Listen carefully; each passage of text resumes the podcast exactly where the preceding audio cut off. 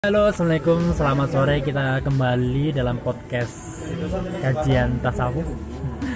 Kali ini sebagai narasumber ada Gus Hamid dari Jepara. Dia seorang beliau seorang visioner terkait tentang pesantren, terkait tentang gerakan anak muda dan sebagainya.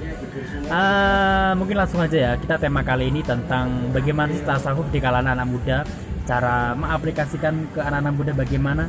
Kita bincang-bincang lebih lanjut. Kita monggo monggo monggo.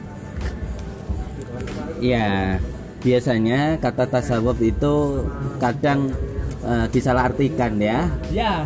Bahkan terkadang identik dengan orang tua, ah, gitu loh.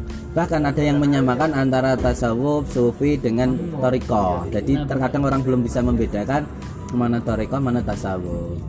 Apalagi untuk kalangan anak muda. Apa sih pentingnya tasawuf gitu kan? Betul. Jadi ketika kita pernah belajar di pesantren dulu, seperti di kitab Subul Iman ya. Jadi Islam itu dibagi menjadi tiga hmm. ya. Yang pertama istilahnya syariat lah ya, ilmu syariat. Yang kedua toriko, hmm. yang ketiga hakikoh. Hmm. Nah tasawuf ini masuk ke bagian yang kedua dan ketiga itu, oh. toriko dan uh, hakikoh. Kalau saya tidak salah, saya pernah menghafalkan naduman-naduman kayak itu. Gimana sih nadumannya, Coach? Uh, Inna tariqa syari'atun wa tariqatun wa haqiqatun fasma laha ma musila fa syari'atun kasafinatin wa tariqatun kal bahri thumma haqiqatun turun gola intinya di dalam agama Islam itu dibagi menjadi tiga namanya pertama ilmu syariat ilmu syariat itu ilmu-ilmu yang kita pelajari setiap hari iya. ilmu fikih bagaimana cara kita berwudu sholat rukun Islam lah zakat bagaimana tata cara haji dan tata cara beribadah kita sehari-hari. Itu namanya ilmu syariat. Kemudian ketika itu selesai kita naik namanya ilmu torikoh ilmu torikoh adalah satu tahap di atas syariat. Ketika syariat sudah mapan jadi nggak bisa orang langsung torikoh syariat harus selesai. Sholat lima waktu harus selesai lah nggak kondoan gitulah ya. Subuhnya sudah nggak bareng sama duka lah itunya kan gitu kalau syari, uh, syariatnya syariat sudah selesai naik ke toriko. Toriko adalah salah satu jalan di mana seseorang itu mampu atau menuju ke uh, zat yang maha uh, tinggi ya. Oh, iya. Dan itu harus melalui namanya yang namanya mursyid atau guru. Jadi toriko itu nggak bisa sendirian kemudian dapat ilham langsung menjadi orang hebat nggak bisa. Harus melalui guru dan ada suluk istilahnya kalau dalam toriko. Nah toriko ini menjadi awal dalam bertasawuf ada suluk ada tazkiyatun nafas ada penyucian jiwa. Bagaimana kita kalau dalam istilah tasawuf ada tiga. Takhalli tahalli dan tajalli. Nah istilahnya itu. Nah, nah intinya itu bagaimana kita membersihkan jiwa kita mengosongkan kemudian mengisian mengisikan dengan hal-hal yang baik ah. baru kita akan ketemu namanya Tuhan kan gitu. Nah di dalam ilmu torikoh ini kalau di Indonesia istilahnya torikoh itu ada mutabaroh dan wiru mutabaroh ah.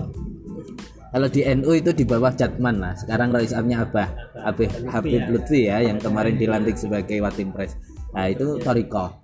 Nah, di Indonesia itu ada sekitar eh, 30 sekian gitu Toriko Mutabaroh gitu ya yang diakui. Salah satu yang paling terkenal dan dianut oleh orang-orang NU itu ada Naksabandia, ada Qadiriyah, Qadiriyah Naksabandia, Syadiliyah, Sataria dan seterusnya. Nah, kira-kira seperti itu. Lah, kemudian yang terakhir itu hakikat ya. Kalau di dalam tadi nandoman itu diibaratkan e, kalau syariat itu kasafinatin seperti perahu kapal. Kematori koton itu kalbahri seperti lautan. Kemudian hakikat itu direnggola e, seperti mutiara yang ada di dalam lautan. Sehingga ini adalah memang di, agama adalah sebuah perjalanan mulai dari naik perahu, kemudian berenang ke dalam laut, kemudian menyelam ke dalam mencari mutiara. Lah di dalam agama Islam juga seperti itu. Jadi setiap orang semakin ke atas semakin sedikit orang yang mampu meraih hakikat bahkan hmm. untuk uh, ber ini bertarekah. Kemudian untuk anak-anak muda sebenarnya nggak masalah untuk bertasawuf. Jadi ketika ada mengatakan tasawuf hanya untuk orang tua itu salah itu.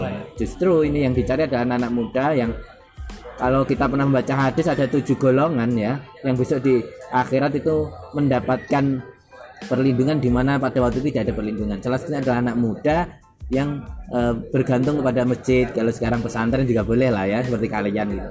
Mungkin kira-kira seperti itu.